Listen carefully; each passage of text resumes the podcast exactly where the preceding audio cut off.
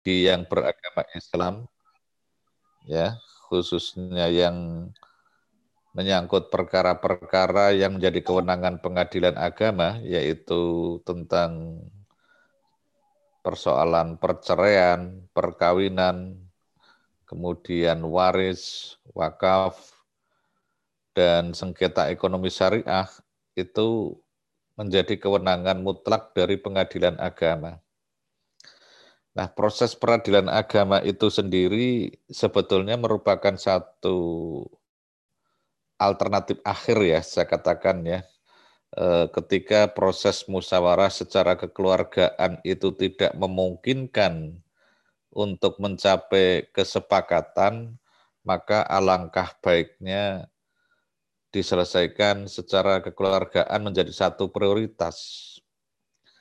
Bahkan meskipun ke pengadilan, pengadilan itu juga merupakan lembaga bagi para pencari keadilan karena kewenangan dalam kasus perdata itu lebih memberikan satu manfaat ketika diselesaikan dengan secara kekeluargaan. Bahkan meskipun sudah didaftarkan di pengadilan pun, pengadilan akan berusaha untuk menyelesaikan berdasarkan musyawarah kekeluargaan.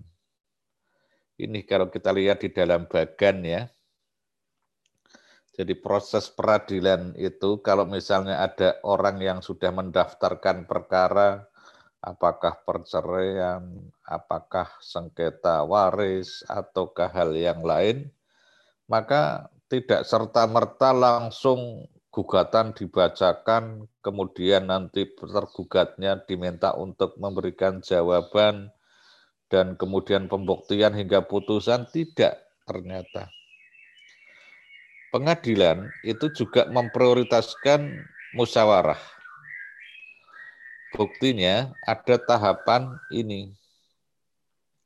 Jadi setelah daftar perkara, kemudian di situ ada sidang awal untuk mengecek siapa penggugatnya, siapa tergugatnya, apakah menggunakan penasihat hukum atau bertindak sendiri, maka langsung masuk ke tahap mediasi. Ini mediasi itu apa nanti akan kita bicarakan pada kesempatan kali ini.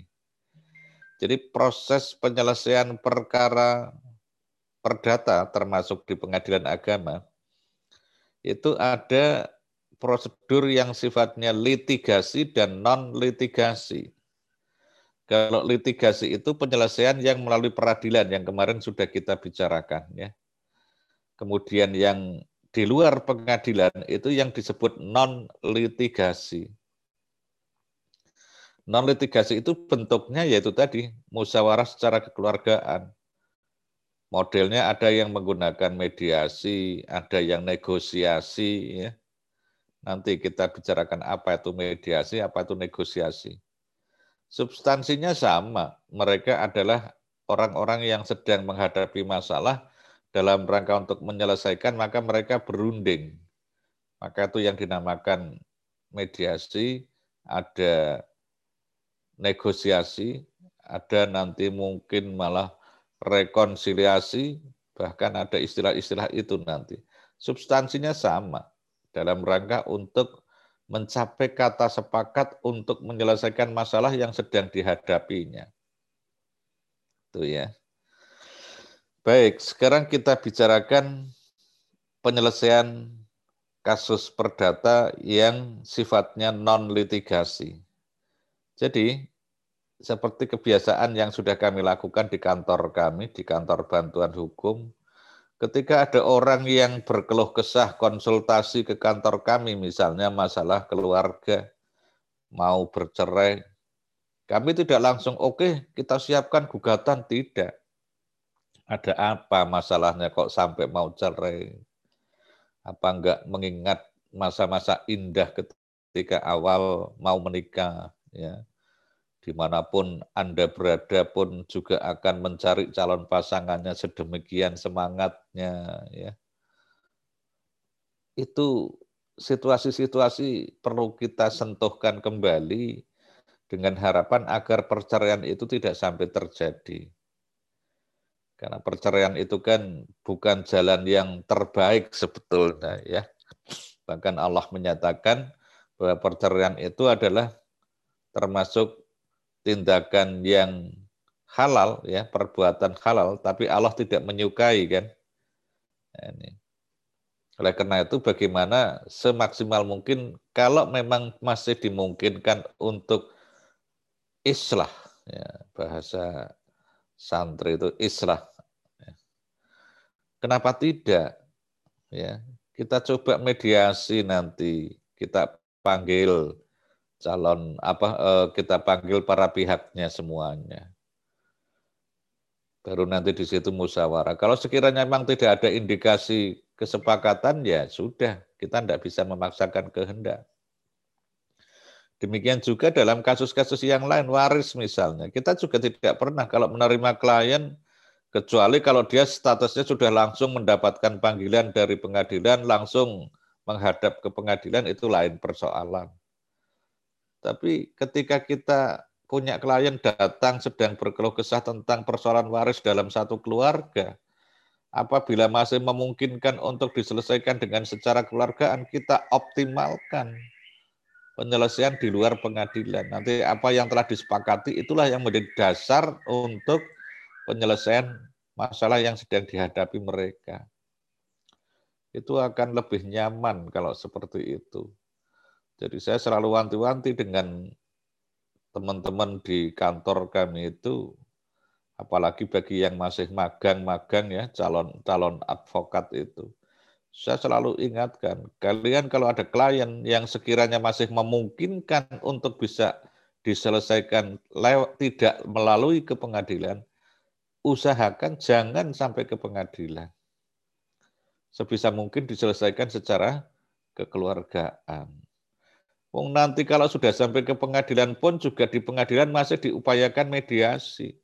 Hakim setiap kali sidang selalu mengingatkan bagaimana para pihak penggugat tergugat apakah sudah ada perdamaian atau belum, selalu diingatkan begitu. Karena memang pengadilan dalam perkara perdata tidak menghendaki adanya putusan yang tidak lewat mediasi terlebih dahulu. Itu. Ya. Baik, jadi posisinya di sini. Kalau misalnya tadi di keluarga sudah nggak bisa dimusyawarahkan, terpaksa ada yang mengajukan gugatan ke pengadilan agama, maka nanti di sidang pertama dipanggil siapa yang menggugat, siapa yang mau digugat. Nah, kemudian majelis hakim akan menunjuk Biasanya di pengadilan agama sudah ada ruangan mediasi dan di situ sudah ada mediator sesuai jadwalnya mereka masing-masing. Nah, di sinilah tahapan mediasi. Ini musyawarah, dinasehati semuanya para pihak itu agar tidak sampai ke tahap ini. Nggak usah sampai jauh-jauh ke replik, duplik, pembuktian, kesimpulan, baru putusan, tidak perlu. Apabila di sini terjadi kesepakatan perdamaian, maka nanti akan dibuat perjanjian perdamaian. Nah, langsung simpel kalau sudah terjadi perdamaian, maka kembali ke majelis hakim nanti akan dibuat putusan berdasarkan perdamaian para pihak. Kan nggak panjang tahapannya, cukup sampai di sini langsung putusan nanti di sini. Itu eh, proses penegakan hukum pun masih menghormati prinsip-prinsip kebersamaan, prinsip-prinsip musyawarah, prinsip-prinsip yang bernilai kemanusiaan agar tidak sampai terputus hubungan apalagi yang ada hubungan darah dalam satu keluarga. Itu tidak boleh dikorbankan.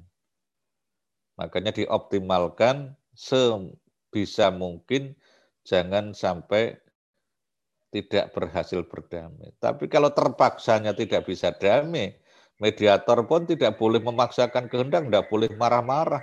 Kalian sudah kita bantu musyawarah, nggak mau damai. Tidak bisa begitu. Ya sudah, kembalikan kepada majelis hakim. Ini karena kami sudah mediasi, tidak berhasil, masing-masing tetap ngekeh pada prinsipnya masing-masing, tidak bisa dipertemukan konsep perdamaiannya tidak bisa mencapai titik temu. Ya sudah berarti dibikin berita acara bahwa mediasinya gagal. Baru nanti masuk ke majelis hakim persidangan selanjutnya ada jawaban tergugat, ada replik penggugat, duplik tergugat, pembuktian penggugat, tergugat, kesimpulan, putusan. Kan panjang kayak gitu. Itu pun nanti kalau sudah diputus bagi yang mungkin merasa diuntungkan itu putusan yang banget adil tapi bagi pihak yang kalah, nanti merasa bahwa saya tidak diperlakukan adil oleh pengadilan. Akhirnya apa yang terjadi? Satu keluarga, bahkan keluarga kandung bisa jadi gara-gara diputus oleh pengadilan saling tidak mengenal. Ya, putuslah hubungan silaturahim kalau seperti itu dalam keluarga kan sayang banget kalau seperti itu. Nah, oleh karena itu kita bicarakan apa toh yang dimaksud dengan mediasi. Mediasi adalah proses penyelesaian sengketa melalui proses perundingan atau mufakat para pihak dengan dibantu oleh mediator yang tidak memiliki kewenangan memutus atau memaksakan sebuah penyelesaian. Itu mediasi. Jadi ciri mediasi itu harus ada orang yang menjadi mediator sebagai pihak penengah, netral, independen. Ya, tidak memihak kepada salah satu pihak. Itu mediator apa mediasi begitu. Kalau apakah ada perundingan musyawarah kekeluargaan yang tidak ada mediatornya? Ada. Itu yang sebetulnya sering disebut dengan negosiasi ada yang menggunakan istilah lobbying. Ya. ya, lobbying itu kan itu kan sebetulnya lobbying itu kan berasal dari kata lobby. Intinya ya negosiasi atau mediasi atau musyawarah. Misal yang sering menggunakan istilah lobby atau lobbying itu kan di DPR atau DPRD. Ketika musyawarah dalam forum pleno mentok tidak ada kata sepakat, biasanya ada inisiator lobby. Nanti kalau istirahat, kita cobalah mungkin pendekatan secara persuasif, tidak usah resmi-resmi dalam forum sidang. Sambil makan siang, istirahat, ngopi, atau ngeteh ya. Dan ada wakil-wakil para pihak, wakil-wakil kontestan, wakil-wakil fraksi ngumpul. Kita punya persoalan seperti ini apa enggak bisa kita rembuk? Ayo kita cari jalan tengah yang paling bijak seperti apa. Nah, karena itu tempatnya di ruang lobby, maka menjadi populer itu adalah lobbying. Tapi substansinya sebetulnya ya mediasi atau negosiasi sebetulnya. Itu ya. Jadi mediasi itu adalah proses penyelesaian sengketa melalui proses perundingan atau mufakat para pihak dengan dibantu mediator. Ciri utama mediasi adalah perundingan yang esensinya sama dengan proses musyawarah atau konsensus. Sesuai dengan hakikat perundingan atau musyawarah atau konsensus, maka tidak boleh ada paksaan untuk menerima atau menolak sesuatu gagasan atau penyelesaian selama proses mediasi berlangsung segala sesuatunya harus memperoleh persetujuan berdasarkan kesepakatan. Jadi tadi sudah saya katakan, mediator itu enggak boleh memaksakan kehendak kepada para pihak untuk menerima atau mensepakati apa yang sudah ditawarkan. Enggak boleh. Mediator netral. Kalau para pihak memang bersikeras, bertahan dengan prinsipnya masing-masing, ya sudah mediator tidak salah.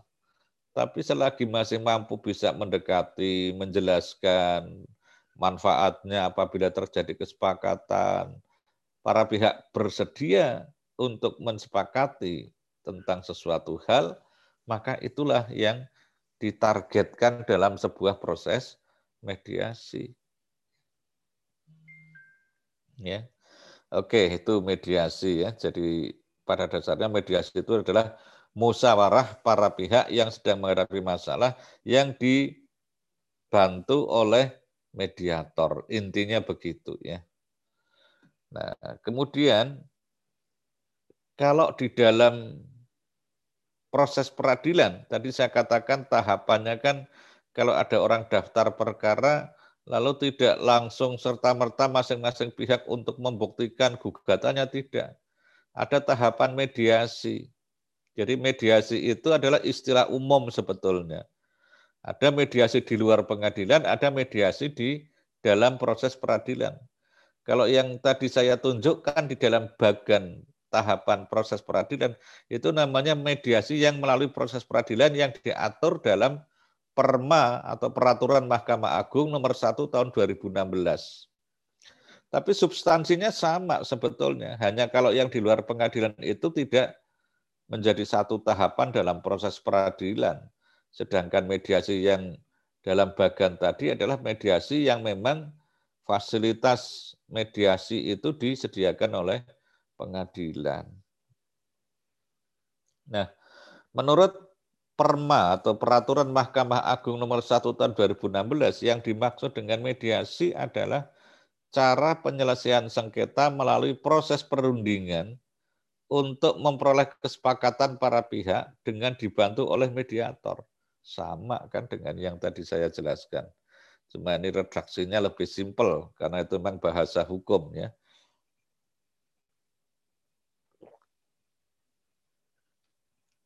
Jadi cara penyelesaian sengketa melalui proses perundingan atau musyawarah untuk memperoleh kesepakatan para pihak dengan dibantu oleh mediator. Itu namanya mediasi. Ya.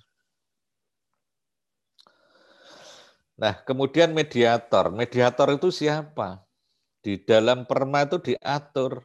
Mediator adalah hakim atau pihak lain yang memiliki sertifikat mediator sebagai pihak netral yang membantu para pihak dalam proses perundingan guna mencari berbagai kemungkinan penyelesaian sengketa tanpa menggunakan cara memutus atau memaksakan sebuah penyelesaian.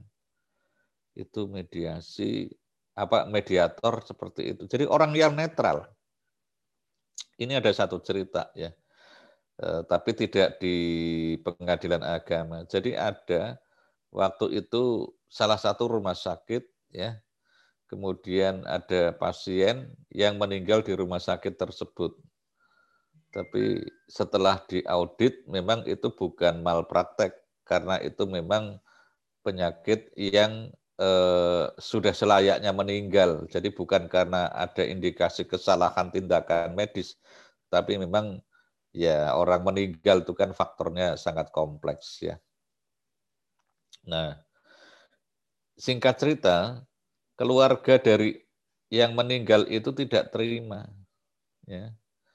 Padahal dia karena ada indikasi itu kan pasien tetap dari sebuah rumah sakit yang eh, masuk dalam kelompok itu apa komunitas AID ya. Jadi dia rutin ya kontrol di rumah sakit. Nah, para komunitas AID itu kan biasanya ada semacam lembak apa organisasinya ya walaupun informal ya. Yang formal juga ada itu. Nah, singkat cerita sang pasien rumah sakit itu mengkonsumsi obat yang diberi oleh temannya sesama komunitas AIDS. Nah, kemudian setelah mengkonsumsi obat itu, itu bukan resep dokter yang dari rumah sakit itu. E, dikonsumsi kemudian berdampak yang sangat kontradiktif. Ya. Apa yang terjadi? Eh, tangan dan tubuhnya itu ada kayak semacam luka bakar itu loh, melepuh melepuh itu ya. Kemudian akhirnya meninggal. Nah, kebetulan obatnya yang dikonsumsi itu dimasukkan jadi satu dengan obat yang dari rumah sakit itu dalam tas plastik yang berlogo dari rumah sakit tersebut. Nah, dikira itu obat dari rumah sakit karena ada di dalam tas plastik yang dari rumah sakit tersebut akhirnya keluarganya menggunakan lawyer ya kirim somasi kepada rumah sakit kami tidak menerima atas kematian keluarga kami tersebut kami minta pertanggungjawaban hukum dari pihak rumah sakit. Bahkan di situ ada klausul minta fotokopi apa eh, medical record dan sebagainya. Nah kebetulan kuasa hukumnya saya kenal baik teman saya itu. Saya pertamanya ya saya jawab, Anda tuh ngerti undang-undang kesehatan dan praktek kedokteran atau tidak? Yang namanya medical record itu kan tidak bisa diberikan ke sembarang orang, bahkan ke pasien atau keluarganya pun tidak bisa. Karena medical record itu milik rumah sakit dan milik dari pihak dokter yang menanganinya. Kalau pasien atau keluarganya hanya berhak atas presumnya saja, bukan medical recordnya. Nah, di dalam somasinya menyatakan kalau tidak diberikan dalam waktu seminggu akan lapor ke polisi. Silahkan lapor Anda punya hak. Yang penting bagi kami bisa membuktikan bahwa di sini tidak ada indikasi malpraktek dan obat seperti itu tidak pernah dikenal di rumah sakit kita ini. Nah, akhirnya mungkin kecewa, tidak jadi menggunakan lawyer itu, tiba-tiba mungkin dia ganti orang yang dianggap lebih mampu dalam menyelesaikan masalah.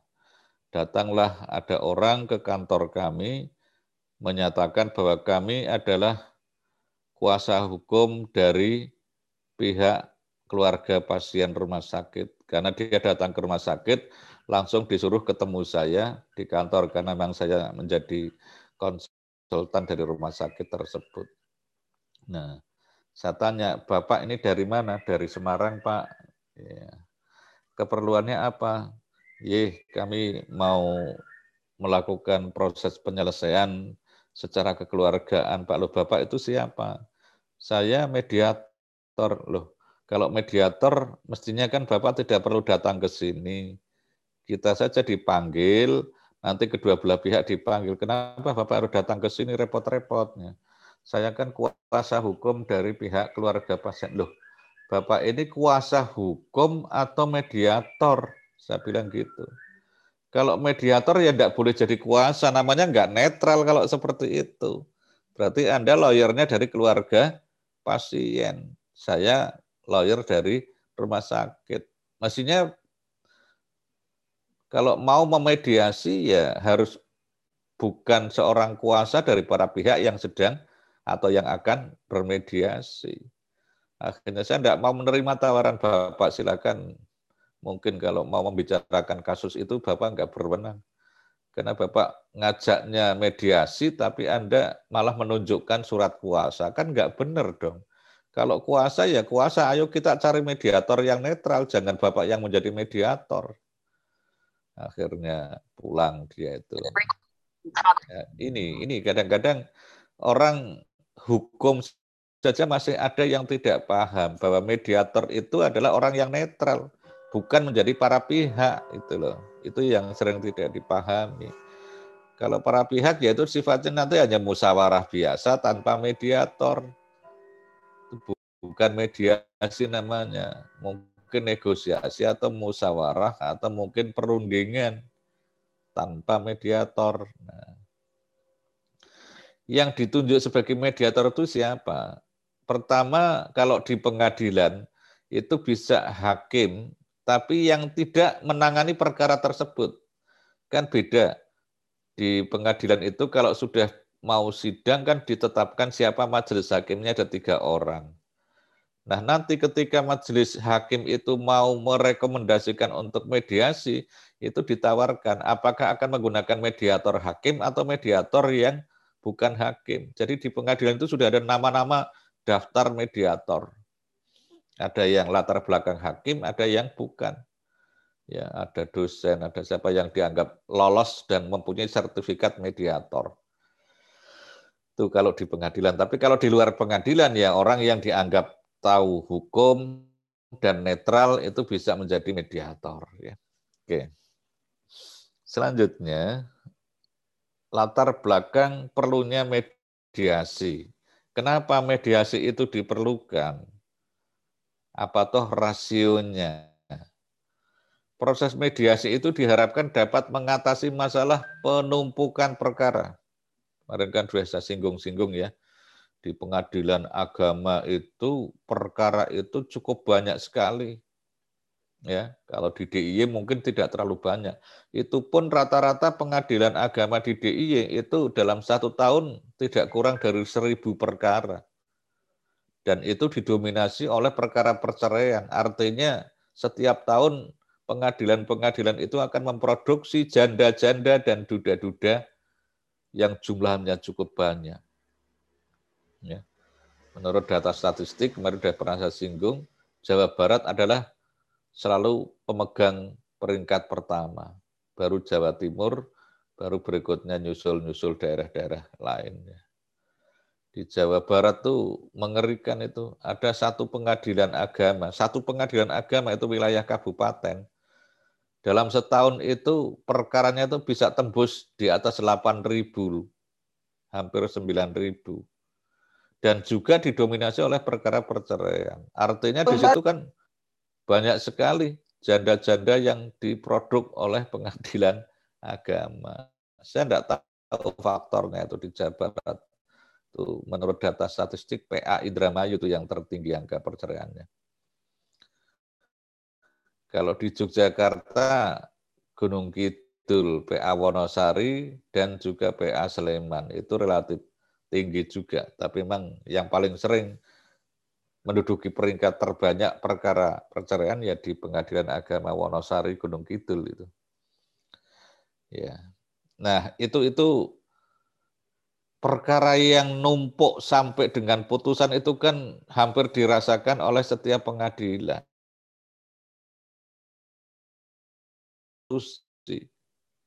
Dengan harapan perkaranya cepat selesai daftar, perkara langsung dipanggil, kemudian mediasi, selesai langsung dibuat penetapan perdamaian. Kan gampang kayak gitu itu. Akur semuanya, para pihak, damai ya. Proses mediasi dipandang sebagai cara penyelesaian sengketa yang lebih cepat dan murah dibandingkan dengan proses litigasi. Jadi kalau litigasi kan panjang tadi, harus jawab menjawab, harus pembuktian, kesimpulan, baru bisa diputus. Itu tidak mudah proses seperti itu. ya. Pemberlakuan mediasi diharapkan dapat memperluas akses bagi para pihak untuk memperoleh rasa keadilan. Rasa keadilan tidak hanya dapat diperoleh melalui proses litigasi yang diputus oleh pengadilan, tetapi juga melalui proses musyawarah mufakat oleh para pihak. Institusionalisasi proses mediasi ke dalam sistem peradilan dapat memperkuat dan memaksimalkan fungsi lembaga pengadilan dalam menyelesaikan sengketa. Jika pada masa lalu fungsi lembaga pengadilan yang lebih menonjol adalah fungsi memutus dengan diberlakukannya perma ya nomor 1 tahun 2016 tadi tentang mediasi diharapkan fungsi mendamaikan atau memediasi dapat berjalan seiring dan seimbang dengan fungsi memutus. Malah diperkirakan dengan harapan malah lebih didominasi oleh mediasi. Walaupun dalam prakteknya sampai detik ini ya mediasi tidak semuanya berhasil damai. Banyak kasus-kasus yang dimediasi tapi gagal. Akhirnya harus lewat proses litigasinya. Itu ya, itu tentang latar belakangnya. Kemudian prinsip etikat baik dalam mediasi. Jadi kalau ada orang mau mediasi, yang harus dibangun itu adalah eh, apa ya konsep pemikiran yang ada pada diri masing-masing pihak. Apa? Kesampingkanlah proses litigasi. Bujuklah sesamamu untuk berkompromi kapan pun Anda dapat melakukannya. Sebagai seorang pembawa damai, lawyer atau advokat atau penasihat hukum mempunyai kesempatan yang lebih besar untuk menjadi lebih baik. Masih banyak urusan lain yang menanti. Ya. Jadi tugasnya lawyer atau advokat yang kami jalani selama ini. Kalau ada kasus-kasus seperti itu tidak langsung, wah ini harus kita giring ke pengadilan. Biar nanti honornya lebih banyak kalau sampai ke pengadilan. Enggak boleh seperti itu. Kode etik advokat tidak membenarkan Justru di sini ditekan, jangan sampai ke pengadilan. Bagaimana caranya? Kesampingkanlah proses litigasi. Bujuklah sesamamu. Kita diminta untuk ngerayu, menjelaskan, ya memberikan advice secara hukum bahwa penyelesaian itu tidak harus sampai putusan pengadilan. Apabila bisa berunding, berdamai, kenapa tidak? Itu prinsip itikat baik dalam mediasi seperti itu. Tapi kalau sudah menggunakan yang di kepala sudah ditanam istilah pokok E, nah kalau sudah pokok itu susah. Pasal pokok itu paling susah untuk menjadi dasar penyelesaian dalam kasus-kasus hukum. Gunakanlah pasal-pasal yang baik, jangan pasal pokok E. Ya. Oke, kita lanjut. Ya itikat baik dalam mediasi. Ya. Dalam pasal 2 ayat 3 Perma Mediasi yang tahun 2008 telah diatur bahwa dalam hal proses mediasi tidak ditempuh oleh para pihak dalam satu perkara perdata, maka ia ya hal tersebut adalah suatu pelanggaran atas ketentuan pasal 130 HIR ya yang mengakibatkan suatu putusan dalam perkara perdata menjadi batal demi hukum. Ya. Null and void. Ya. Sebaliknya dalam perma mediasi terbaru, ketentuan yang sifatnya imperatif atau memaksa, ini tidak disinggung lagi. Justru perma yang baru ini lebih menitik beratkan pada penerapan asas etikat baik. Tahuder tro, ya, dalam proses mediasi yang mempunyai akibat hukum tidak diterimanya suatu gugatan ya. Oke ya, jadi itu tentang prinsip-prinsip yang harus diperhatikan dalam proses mediasi. Ya. Dalam pasal 6 Perma ya diatur beberapa aturan yang sifatnya imperatif antara mengenai keharusan dari para pihak ya prinsipal atau pemberi kuasa untuk hadir secara langsung dalam pertemuan mediasi dengan atau tanpa didampingi oleh kuasa hukum. Bahkan penerapan teknologi komunikasi visual untuk melakukan mediasi jarak jauh pun dapat dianggap sebagai kehadiran langsung. Jadi di era modern ini proses peradilan itu kan ada yang kemarin sudah saya singgung-singgung e-court, peradilan elektronik, online. Meskipun masih ada temuan-temuan kelemahan peradilan online. Nah, termasuk dalam mediasi. Kalau memang para pihaknya tidak memungkinkan untuk bisa hadir secara physically, dapat ditempuh dengan cara online, ya, dengan cara eh, apa? Tidak offline, tidak tatap muka, tapi para pihak bisa dianggap hadir manakala dia beritikat baik dengan menggunakan jaringan internet atau online ya. Ketentuan pengecualian itikat baik ya. Jika kondisi kesehatan tidak memungkinkan di bawah pengampuan berdomisili di tinggal di luar negeri karena menjalankan tugas negara, ini bisa tidak harus hadir dengan alasan-alasan tersebut itu sebagai pengecualian ya. Kemudian saya lompat saja. Nah ini, uh, tadi sudah saya singgung sebetulnya dalam bermediasi itu para pihak itu bisa bertindak sendiri, bisa menggunakan kuasa hukum. Jadi prinsipal atau pemberi kuasa itu bisa bertindak sendiri tanpa penasihat hukum, bisa menyerahkan kepada penasihat hukum. Bahkan dalam proses mediasi di pengadilan, prinsipal itu diminta agar hadir meskipun ada penasihat hukumnya. Ya. Nah, kalau ada advokat yang membantu kliennya untuk bermediasi, dia harus ada surat kuasa. Betul bahwa dia mendapatkan wewenang limpahan berdasarkan surat kuasa dari pemberi kuasa untuk mengikuti jalannya mediasi. Itu penting ya. Kemudian jenis mediasi, tadi sudah kita bahas juga, mediasi di pengadilan dan mediasi di luar pengadilan secara sukarela. Itu mediasi ya.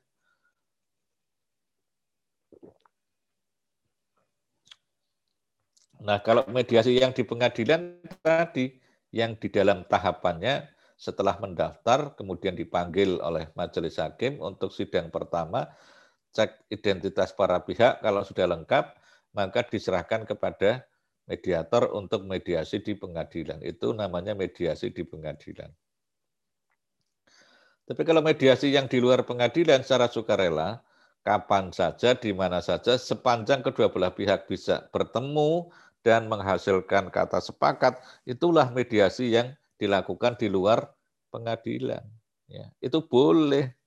Ya, jangan dikira tidak boleh, boleh malah justru dianjurkan.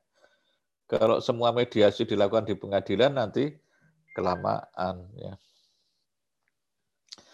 Mediasi di pengadilan ya yang diatur dalam Perma nomor 1 tahun 2016 patut diapresiasi sebagai implementasi dari asas peradilan cepat, sederhana, dan berbiaya ringan.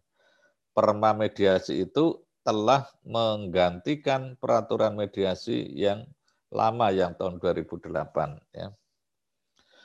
Para pihak dalam mediasi di pengadilan siapa? Ya pihak penggugat dan tergugat beserta kuasa hukumnya masing-masing. Di sini disebutkan para pihak adalah dua atau lebih subjek hukum yang bersengketa dan membawa sengketa mereka ke pengadilan untuk memperoleh penyelesaian. Itu para pihaknya ya. Nah, sebelum mediasi ya, ini dalam praktek ya metodenya.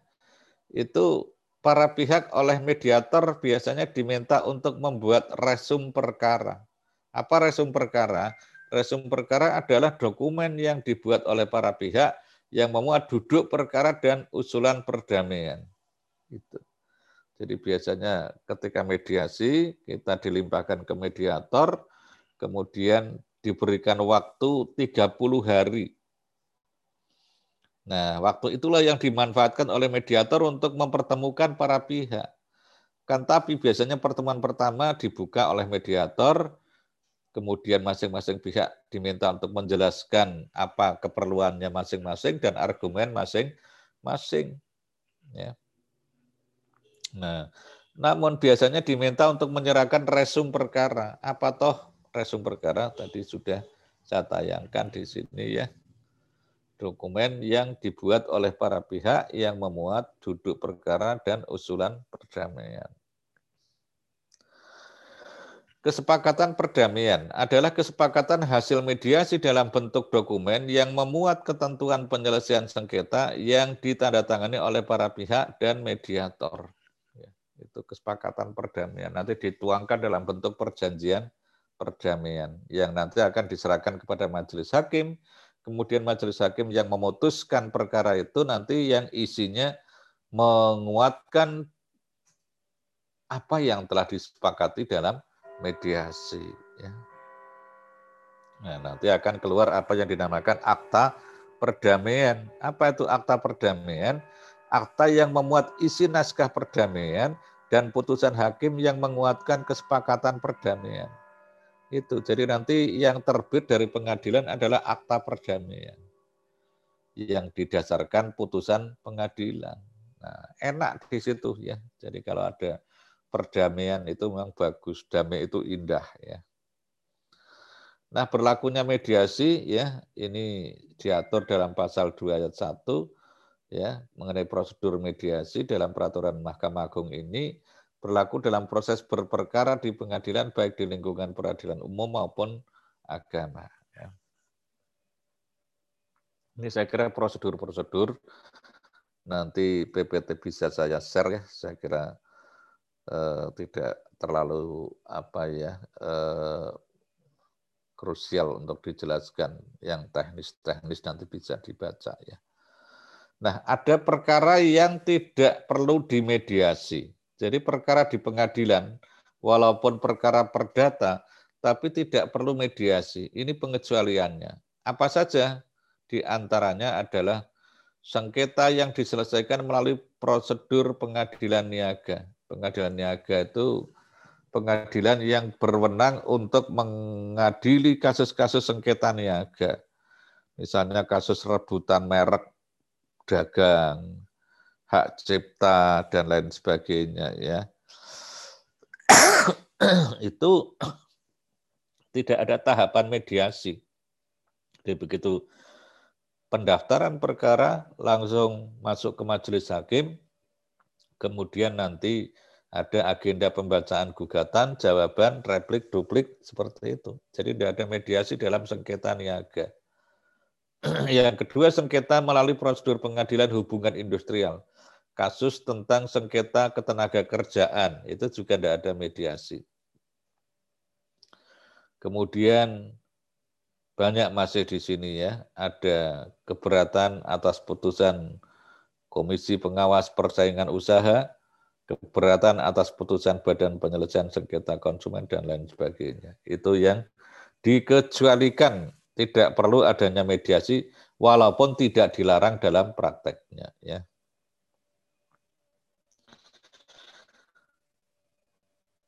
Proses mediasi tertutup ya. Jadi proses mediasi itu pada dasarnya bersifat tertutup kecuali para pihak menghendaki lain. Pertemuan mediasi dapat dilakukan melalui media komunikasi audiovisual jarak jauh yang memungkinkan semua para pihak saling melihat dan mendengar secara langsung serta berpartisipasi dalam pertemuan. Tuh ya, jadi proses mediasi seperti itu ya. Jadi sekali lagi waktu mediasi itu 30 hari, tapi seandainya 30 hari belum selesai, maka bisa diperpanjang 10 hari lagi sehingga total 40 hari. Kalau 40 hari tidak ada hasil kesepakatan, maka mediasi dianggap gagal. Jadi 30 plus 10 itu paling lama untuk proses mediasi. Oke, saya kira itu mungkin pengantar saya terkait dengan mediasi atau penyelesaian kasus-kasus yang diselesaikan tidak lewat pengadilan ya. Ini tentang proses mediasi, saya kira etika baik tadi sudah ya. Jasa mediator hakim dan pegawai pengadilan tidak dikenakan biaya. Biaya jasa mediator non-hakim dan bukan pegawai pengadilan ditanggung bersama atau berdasarkan kesepakatan para pihak. Jadi ada yang memang kalau yang mediatornya hakim itu tidak perlu berbayar. Itu urusan negara. Tapi kalau mediator yang ditunjuk itu adalah non-hakim, ya maka itu yang kena biaya. Saya kurang tahu persis kadang rincian biayanya karena kita sudah bayar borongan di pengadilan di awal perkara mau dimulai ya. Baik, silakan ada yang mau didiskusikan terkait dengan mediasi ya. Kalau yang peradilan kan kemarin sudah kita bicarakan. Saya silakan, monggo.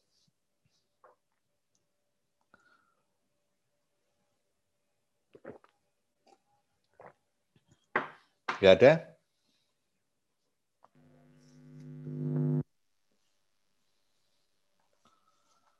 Halo, Afan, Afan Ustaz. Ye, monggo. Silakan kalau ada ya, tanya. Dimas duluan, Dimas, Dimas duluan, Dimas. Afan Ustaz, saya mau bertanya Ustaz. Iya. uh, berkenaan dengan apa kemarin kasus kasusnya punya IPHRS ya Ustadz ya. Kan itu yang diperkarakan kan masalah apa namanya masalah kerumunan. Dan juga banyak orang-orang ya selain IPHRS pun melakukan kerumunan-kerumunan yang sama.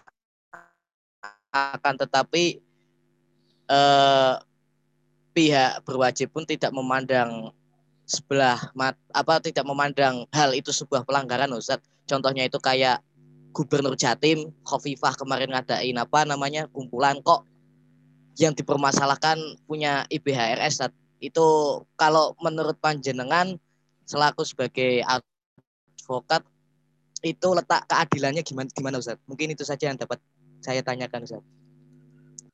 Yeah.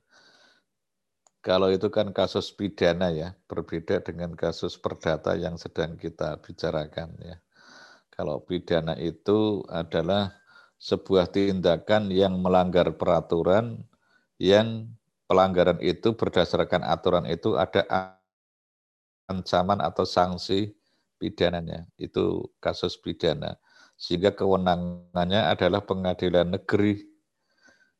Yang kita bicarakan adalah kasus perdata yang menjadi kewenangan pengadilan agama. Itu yang pertama yang perlu saya garis bawahi dulu. Nah, kembali kepada pertanyaan antum ya. Eh, proses penegakan hukum itu memang dilemanya di situ ya. Satu sisi kadang hukum itu kan mestinya kan berlaku untuk semuanya. Keadilan juga untuk semuanya, justice for all.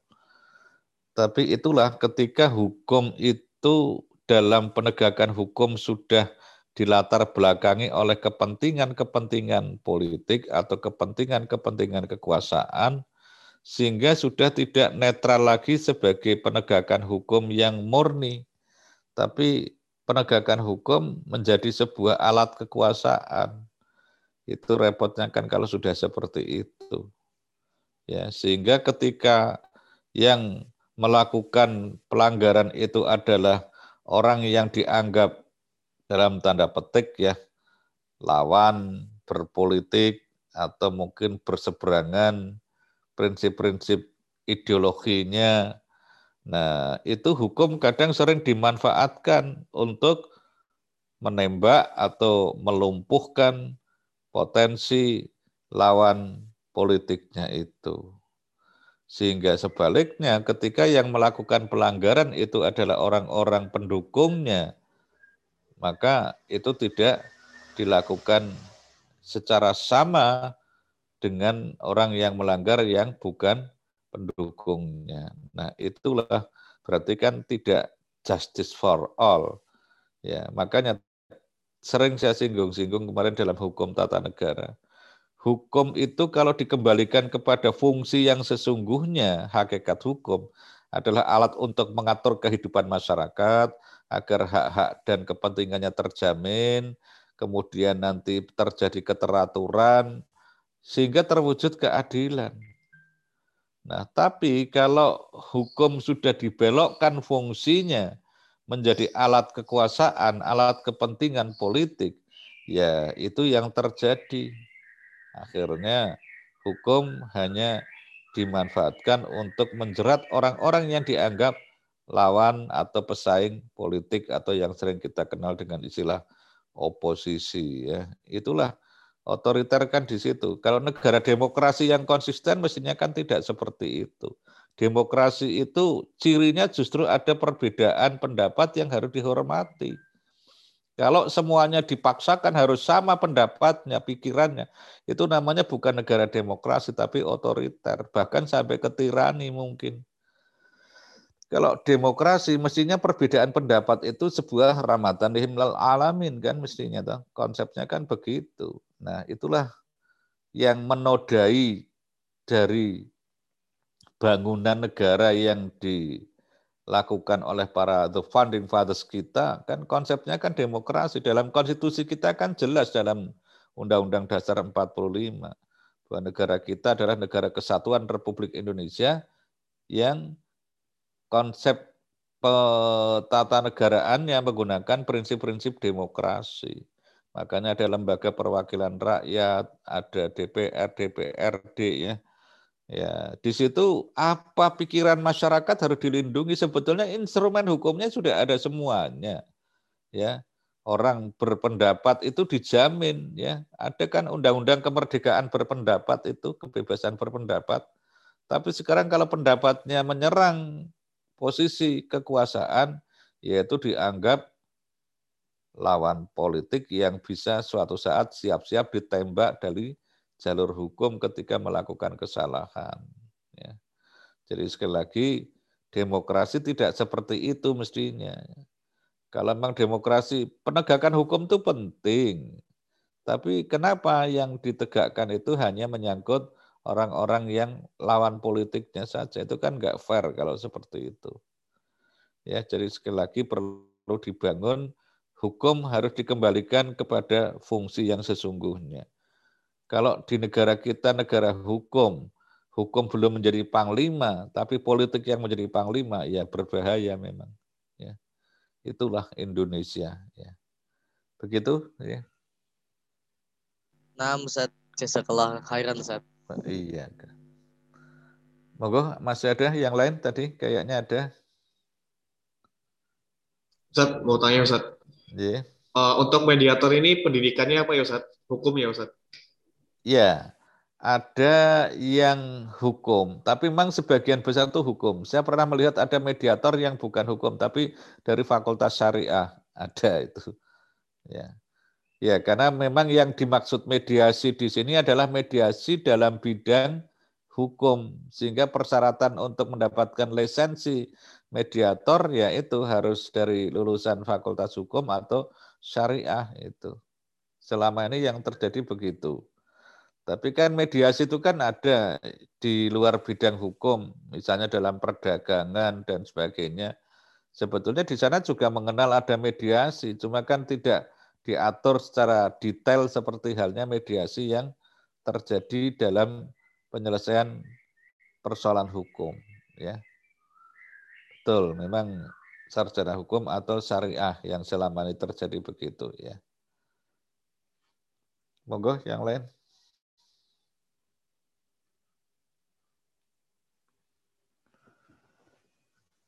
Baik, saya checklist kehadiran ya eh, untuk perdata kelas putra.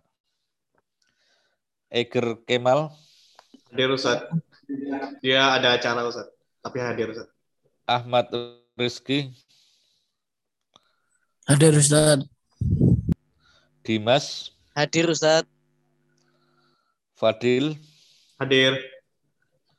Habibur Rahman. Hadir. Isa Anafi. Hadir Ustaz. Kanugrahan Sejati. Hadir Ustaz. Maulan. Hadir Ustaz. Miftahul Khair. Hadir Ustaz. Ridwan Furqani. Ridwan tidak hadir ya. Rifki Yuanda tidak juga. Baik, berarti dua yang tidak hadir ya kelas A ya. Ridwan Furqoni dan Rifki Yuanda. Kemudian yang kelas B, Ahmad Hafid.